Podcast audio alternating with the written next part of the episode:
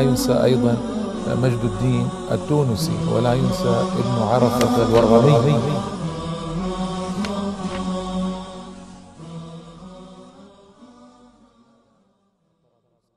بسم الله الرحمن الرحيم. الحمد لله رب العالمين والصلاة والسلام على سيدنا محمد النبي الأمي الأمين وآله وصحبه أجمعين. أما بعد الإخوة والأخوات السلام عليكم ورحمة الله تعالى وبركاته. وأهلا وسهلا ومرحبا بكم في هذه الحلقة الخامسة من آه هذا البرنامج الذي خصصته للحديث عن عظماء من تاريخ تونس الماضي والمتوسط والحاضر. وفي هذه الحلقة سآتي على سيرة قاض هي سيرة عجيبة جليلة رائعة. وأريد من ذلك أن يستفيد قضاة المسلمين ليس فقط قضاة تونس وأن يحكموا بالحق وأن يحكموا بما أنزل الله.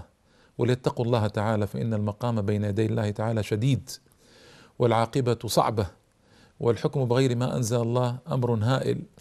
فليتقوا الله تعالى. ثم ليستفيدوا من هذا القاضي العظيم ومن سيرته وعدله وشجاعته وزهده وقوته في الحق وصدعه به ما شاء الله لا قوة إلا بالله. هو أبو كريب جميل ابن كريب المعافري. رحمة الله تعالى عليه. كان من سكان تونس وتونس أعني بها تونس العاصمة اليوم. وكان الوالي على إفريقيا أي على تونس وكانت تسمى تونس بإفريقيا. كان الوالي على إفريقيا آنذاك هو عبد الرحمن ابن حبيب ابن أبي عبيدة ابن عقبة بن نافع. فهو ابن حفيد عقبة سبحان الله صار واليا على تونس. وكان أبو جده الوالي عقبة الوالي العظيم الجليل الذي حدثتكم بسيرته في الحلقة الثانية. هذا ابن حفيده اليوم يصير هو الوالي. فخلى منصب القاضي فأرسل عبد الرحمن إلى والي تونس أن أرسل إلي أبا كريب وله القضاء. فلما أخبر والي تونس أبا كريب تمارض تمارض أي ادعى المرض. لأن السلف رضي الله تعالى عنهم كانوا يكرهون القضاء ويكرهون الدخول فيه لما يرون من صعوبة الأمر ومن تغير الزمان. الله أكبر. كيف لو رأوا زماننا هذا؟ ها؟ يعني هذا كلام في سنة مئة تقريبا. ويكرهون القضاء ويكرهون تولي القضاء لأنهم يعرفون أن الزمان تغير وأن الوضع تغير ويخافون على أنفسهم. فكيف لو رأوا زماننا هذا؟ وما يجري فيه من مهازل من القضاة ومن رشاوى ومن فساد ومن ممالأة أهل الباطل وأهل السوء وإنا لله وإنا إليه راجعون. المهم تمارض أبو كريب فأرسل الوالي تونس إلى عبد الرحمن أمير إفريقيا أمير تونس قال له إن أبا كريب مريض. قال ابعثه إلي بقطيفة. يعني احمله حملا من تونس إلى القيروان. أريد أن يأتيني. جاء الأمر الحازم. ما يملك أبدا أمير والي تونس إلا أن يستجيب. أرسل أبا كريب إلى الأمير. دخل أبو, كريب مجلس الأمير. فكلمه الأمير فلم يرد عليه أبو كريب. قلت لكم إنهم ما يحبون القضاء ولا يحبون أن يتلبسوا بالقضاء أبدا. فكلموا مرة أخرى فلم يرد عليه. فجلاس الأمير أنبوا أبا كريب قال يكلمك الأمير ولا ترد.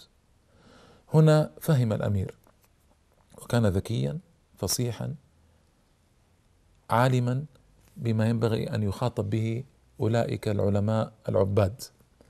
فقام على قدميه واقفا وأمر جلاسه أن يتفرقوا عنه. وبقي منفردا مع أبي كريب. قال يا أبا كريب والله ما أردت بذلك إلا الله عز وجل وأردت أن أجعلك حسنة بيني وبين الله عز وجل للمسلمين. أردت أن أجعلك حسنة فيما بيني وبين الله عز وجل للمسلمين وأردت أن تعاونني على هذا الأمر وأن تقضي في وفي من حولي بالحق. فاتق الله يا أبا كريب فيما دعوتك إليه فيما فيه نفع للمسلمين. الله أكبر. اسمعوا كيف. كيف هذه القضية سبكها الأمير بطريقة ذكية رائعة. فقال له أبو كريب أبو كريب يعني وقع في مأزق ما, ما عاد يستطيع أن يتصرف. وضعه الأمير في زاوية. قال له آه الله أردت بذلك؟ قال نعم. قال آه الله أردت بذلك؟ قال نعم. قال آه الله أردت بذلك؟ قال نعم. فقبل أبو كريب. ما استطاع. يعني وصل الأمر يعني الأمير وضعه بعباراته وبطريقته الرائعة وضعه في زاوية لا يستطيع أن ينفك عنها ولا يخرج منها فقبل بذلك. ودخل الجامع وصار قاضيا للدولة قاضيا للإمارة التي تتبع طبعا الدولة الأموية لكنه يعني تابعا آه، لخلافة الأموية لكنه هو الآن قاضي لإفريقيا. جلس في جامع القيروان ليقضي وكان قضاة يقضون في الجامع مكانهم في الجامع. لم يكن لهم حجرة مخصصة آنذاك بعد إنما كانوا يجلسون في الجامع هكذا. فمن جاءهم قضوا آه، بينهم فيما فيه يختلفون. ما هي إلا أيام؟ جاءه رجل قال لي قبل الأمير حق ومطلب. آه، الأمير نفسه الذي ولاه الآن. لي قبله يعني عنده حق ومطلب. وقد أتيته فدفعني عن حقي ومطلبي وأنكره.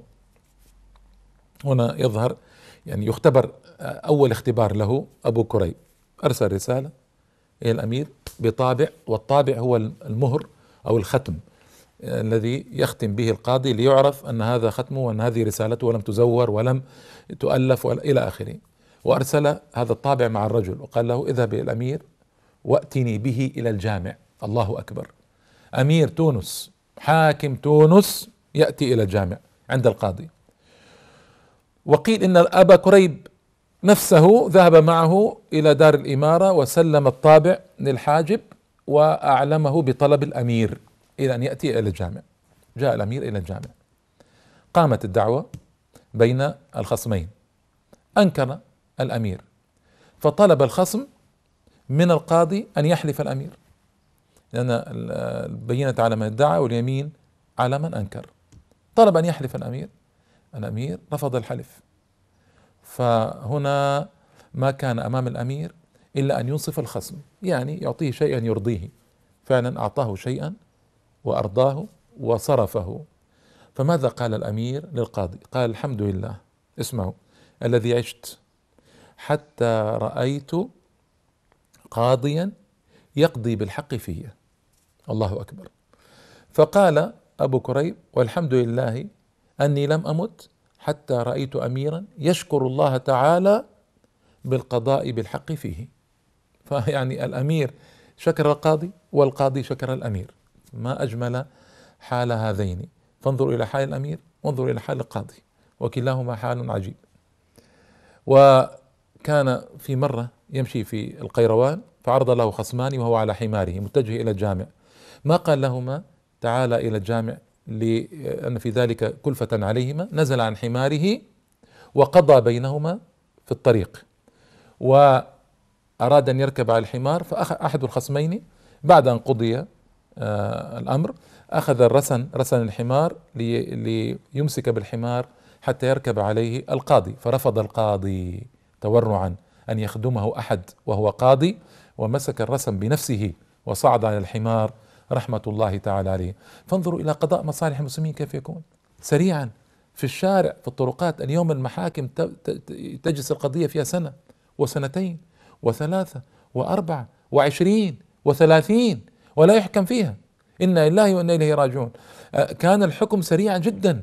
وهذا هو الأصل في القضاء أن يحكم بسرعة إذا تبين للقاضي الحق وإذا تبين له الأمر. لذلك كان من آه، في ومن العجب في حال أبي كريب أنه إذا كان قد تبين له حكمه في الليل الليل هو يقضي بين الناس في النهار وكان النهار من الفجر إلى الغروب هو وقت الحوائج وكذا فإذا جاء الغروب الناس تذهب وتستقر في بيوتها وتصلي العشاء الآخرة وتنام.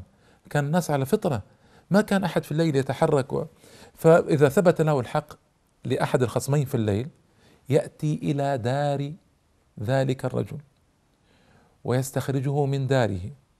ويأمره في الليل أن يأتي بصلحاء أهل حيه ليشهدهم القاضي على إمضاء الحكم لهذا الرجل. فالرجل يتعجب يقول له لو جعلت هذا إلى الغد؟ قال فلو أنا مت في الليل أفما أكون أنا مضيعا لحقك؟ الله أكبر. انظروا كيف القضاء كان في بلاد الإسلام. يعني نحن اليوم نعجب بالقضاء في بلاد الغرب والقضاة ونقول يعني النظام في بلاد الغرب ونقول أنه نظام كبير. من المستحيل على البشرية أن تسمع بحوادث مثل ما كانت الحوادث عند سلفنا الأعظم رضي الله عنه. وأن تسمع بأناس يسوسون الناس مثل ما ساس سلفنا الناس. من المستحيل على البشرية في ماضيها وحاضرها أن تسمع شيئا قريبا مما كنا عليه وما كان أسلافنا عليه. رضي الله عنهم في الليل ينزل ويفعل ذلك وشيء عجيب هذا وهو قاضي وهو كبير وهو آه، إمام. لكن الورع والاجتهاد والحذر. ومن أيضا اجتهاده في الزهد والتواضع. وحتى ينزل من منزلة نفسه وهو ثاني رجل في الدولة بعد الأمير. وربما كان أول رجل لأنه هو الذي يقضي على الأمير ويقضي على غيره. أنه كان إذا جاء ذهب إلى الجامع ليري الناس آه، يعني أو ما نستطيع نقول ليري الناس يعني من تواضعه وزهده أنه يسوق أمامه الحمار ويخوض في الطين والوحل الذي في الشارع إلى أنصاف ساقيه. فلا فيراه بعض الناس يقول له لا لو ركبت الحمار. فيرفض تواضعا وزهدا وإظهارا للانكسار بين يدي الله تعالى. فإذا عاد إلى بيته ركب الحمار. لأن لأن هذا لا يحتاجه الآن. الأمر احتاجه في البداية حتى يتواضع وينكسر في مجلس القضاء. أما الآن فما عاد فما عاد يحتاج إلى ذلك رحمة الله تعالى عليه. رؤيا مرة في جامع القيروان جالسا منفردا. قيل له ما بالك؟ تجلس منفردا. قال الناس ذهبوا إلى جنازة. قال قالوا له لو ذهبت إلى دارك. قال فما فما فمن يكون للملهوف المضطر إذا جاء فلم يجدني. سبحان الله ما, ما هناك أحد في المسجد. والناس ذهبوا إلى جنازة وأن يأتي أحد يعني ربما يأتي أحد لكن ليس من المؤكد. لكن انظروا إلى حساسيته وشفافيته. يقول فمن للملهوف المضطر إذا جاء فلم يجدني. هنا لابد إذن أن يبقى في المسجد. رحمة الله تعالى عليه. وهل اكتفى بذلك؟ لا. أهل الخير وأهل الصلاح وأهل الرغبة فيما عند الله تعالى والمتيقظون والأخيار والصلحاء والدعاة إلى الله تعالى يريدون المنازل العالية يريدون جلائل الأمور وعظائمها. ختم له بالشهادة. رحمة الله تعالى عليه وهي خاتمة الحسنى. من ختم له بشهادة ختم له بشيء عظيم وذلك من من الله تعالى وفضل. ثار في تونس رجل اسمه عاصم بن جميل. عاصم ابن جميل خارجي من الخوارج ثار كان الأمير أنا قلت لكم من الأمير كان عبد الرحمن الذي ولى أبا كريب كان عبد الرحمن ابن حبيب ابن أبي عبيدة ابن عقبة فهو ابن حفيد عقبة. فتوفي هذا الأمير وجاء أمير آخر اسمه حبيب ابن عبد الرحمن صار هو الأمير. فحبيب هذا ذهب ليقاتل الخارجي هذا وجيشه وهزم. وصار الجيش يقترب من القيروان. هنا الخوارج لابد أن يقاتلهم أبو كريب. الخوارج سآتي على ذكرهم في حلقة قادمة بالتفصيل فيما صنعوا في تونس. وضع صعب حقيقة وأناس متطرفون غلاة من أشد أنواع الغلو والخوارج معروفون. هنا ما وجد أبو كريب نفسه إلا مضطرا للخروج ليقاتلهم. لابد أن يقاتلهم. ما ما يتركهم يدخلون القيروان يعيثون فيه فسادا ويقتلون ويفعلون. فاستثار أهل القيروان للأسف أهل القيروان خذلوه ما خرج معه إلا ألف رجل فقط. ألف رجل وتقدموا إلى واد سمي باسمه وادي أب وادي أبي كريب وادي أبي كريب موجود في حوالي القيروان اليوم وخرج ليقابل عاصم بن جميل. قدر له الشهادة فقتل هو ومن معه جميعا في ذلك الوادي سنة تسع وثلاثين ومئة. قبل ألف وثلاثمائة سنة من الآن لمن ضيع التاريخ الهجري وما عاد يعرف أي سنة نحن قبل ألف ثلاثمائة سنة من الآن قتل هو ومن معه جميعا. سنة مئة وتسعة وثلاثين وقيل سنة مئة وأربعين للهجرة فختم له بخاتمة الحسنى وتوفي شهيدا إن شاء الله تعالى. فما أحسن سيرة أبي كريب آه، جميل ابن كريب المعافري الذي أنصف في القضاء إنصافا لا مثيل له وكان يصدع بالحق وبالقوة وينشر العلم والفضل وكان عالما ثقة صالحا زاهدا متواضعا منكسرا. الله أكبر. انظروا كيف كان أسلافنا تجتمع فيهم صفات العظماء وصفات الجلال وصفات العظمة وختم له بالشهادة في سبيل الله فما احسنها من خاتمة. رضي الله تعالى عن أبي كريب جميل بن كريب المعافري التونسي.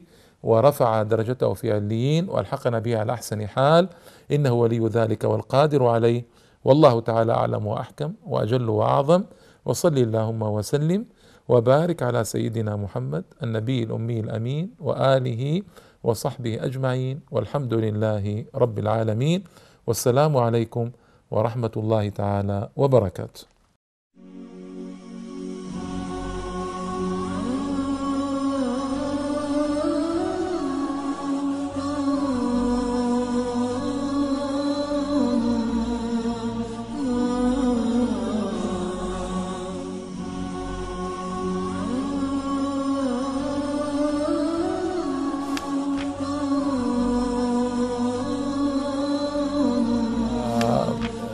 ينسى أيضا مجد الدين التونسي ولا ينسى ابن عرفة الورغمي